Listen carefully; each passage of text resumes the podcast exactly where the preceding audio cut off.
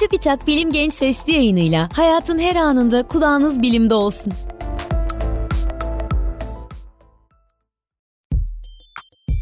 Merhaba, Bilim Genç Sesli yayınına hoş geldiniz. Ben Bahri Karaçay. Şu anda vücut hücrelerinizin yaklaşık 10 katı sayıda mikroorganizma taşıdığınızı biliyor muydunuz? Eğer görme duyumuz mikroskoplar gibi tek bir hücreyi görecek keskinlikte olsaydı, insan vücudunun yaşayan tek bir organizma olmadığını, aslında çok sayıda organizmadan oluşan bir ekosistem olduğu gerçeğini görürdük. İnsan vücudu sayı olarak aslında %90 mikroorganizma hücrelerinden ve sadece %10 insan hücrelerinden oluşur. Ama çok küçük oldukları için bu mikroorganizmaların kapladığı hacim ve ağırlıkları elbette oldukça küçük mikrobiyom genel adıyla tanımladığımız ve bizimle simbiyotik bir yaşam süren bu mikroorganizmaların çok büyük bir kısmı sindirim sistemimizde özellikle bağırsaklarımızda yaşıyor.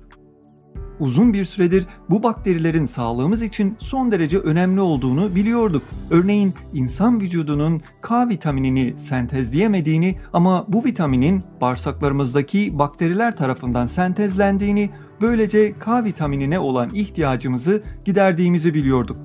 Ama geçtiğimiz yıllarda yapılan bilimsel çalışmalar bağırsak mikrobiyomunun beslenmenin ötesinde de çok önemli işlevleri olduğunu gün ışığına çıkardı.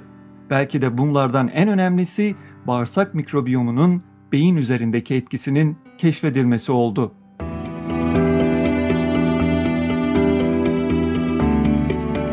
Mikrobiyomun beyin üzerindeki etkileri konusunda yapılan araştırmalar, mikrobiyomun insanların nasıl düşünüp hissettiğini etkilediğini ortaya çıkardı. Binlerce farklı türü olan, sayıları trilyonları bulan ve ağırlıkları yarım kilo ile bir buçuk kilo arasında değişen bu bakterilerin otizm, anksiyete ve depresyon gibi rahatsızlıklarda önemli roller oynadıkları ortaya çıktı.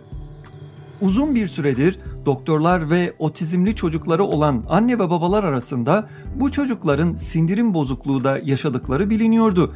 Bu gerçekten yola çıkan araştırmacılar otizmli çocukların bağırsak mikrobiyomlarını normal çocuklarınki ile karşılaştırdıklarında otizmli çocukların önemli oranda farklılık gösterdiğini buldular. Kaliforniya Teknoloji Enstitüsü bilim insanlarından Sarkis Mazmanian ve grubu otizmli çocuklarda Bacteroides fragilis adlı bakterinin daha az bulunduğunu gözlemledi. Daha sonra bu bakteriyi otizm çalışmalarında kullanılan ve otizme özel bazı davranışlar sergileyen bir fareye aktardılar. Farenin davranışlarında önemli düzeyde olumlu gelişmeler gördüler.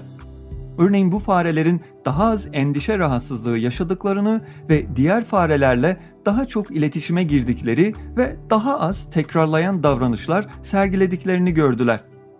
Bağırsaklardaki mikroorganizmaların beyni nasıl etkilediğinin mekanizması henüz detaylarıyla bilinmemekle birlikte Mazmanian ve grubunun bulguları bu konuda ipuçları veriyor.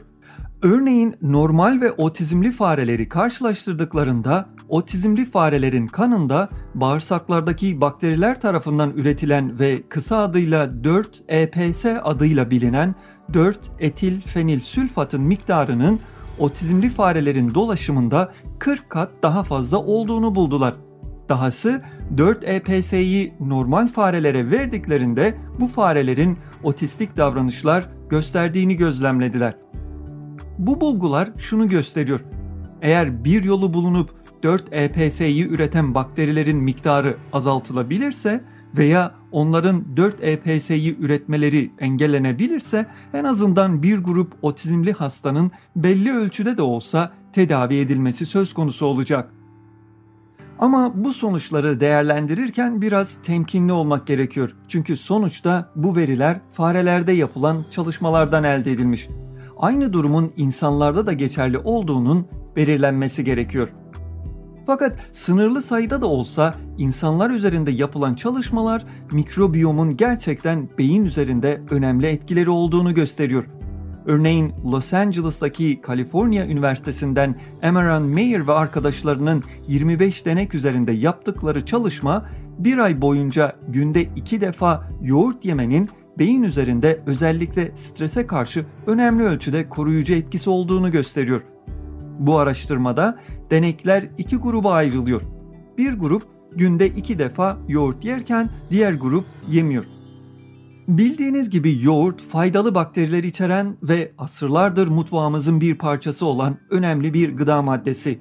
Yoğurtta Bifidobacterium, Streptococcus, Lactococcus ve Lactobacillus gibi bakteri türleri bulunuyor. Dolayısıyla önemli ve zengin bir mikrobiyom kaynağı. Mayer ve grubu deneklere çalışmadan önce ve sonra değişik yüz ifadeleri taşıyan bir seri fotoğraf gösteriyor. Denekler mutlu, üzgün, öfkeli gibi ifadeler taşıyan yüz resimlerine bakarken onların beyin görüntüleri alınıyor. Karşılaştırmalar yoğurt tüketen deneklerin değişik ifadelere daha sakin bir tepki verdiklerini, dolayısıyla daha az stres yaşadıklarını gösteriyor. Mayer ve grubu bu sonuçları yoğurdun bağırsak mikrobiyomunu olumlu yönde etkilemiş olmasına bağlıyor. Bu konuyla ilgili olarak yapılan diğer çalışmalarda da bağırsak bakterilerinin beyinde sinir hücreleri arasındaki iletişimi sağlayan ve nörotransmitter adını verdiğimiz molekülleri ürettiklerini gösterdi. Bu moleküllerin beyni etkilemesi sanırım çok uzak bir ihtimal değil Nitekim bir diğer araştırma grubu bağırsaktaki bazı bakterilerin beyinle bağırsak arasındaki iletişimi sağlayan ana sinir olan vagus sinirini etken hale getirebileceğini gösterdi. Bütün bu çalışmalar beyinle bağırsak mikrobiyomu arasında çok önemli bir ilişkinin var olduğuna işaret ediyor. Belki yakın bir gelecekte bazı psikiyatrik hastalıklar için bağırsak mikrobiyomunun kompozisyonu arzu edilen yönde değiştirilerek tedavi sağlanabilecek. Bütün bu bulguların özellikle bizleri ilgilendiren bir yanı var. O da asırlardır mutfağımızın bir parçası olan yoğurdun tahmin ettiğimizden çok daha değerli bir gıda olduğu ve sofralarımızdan hiç eksik olmaması gerektiği.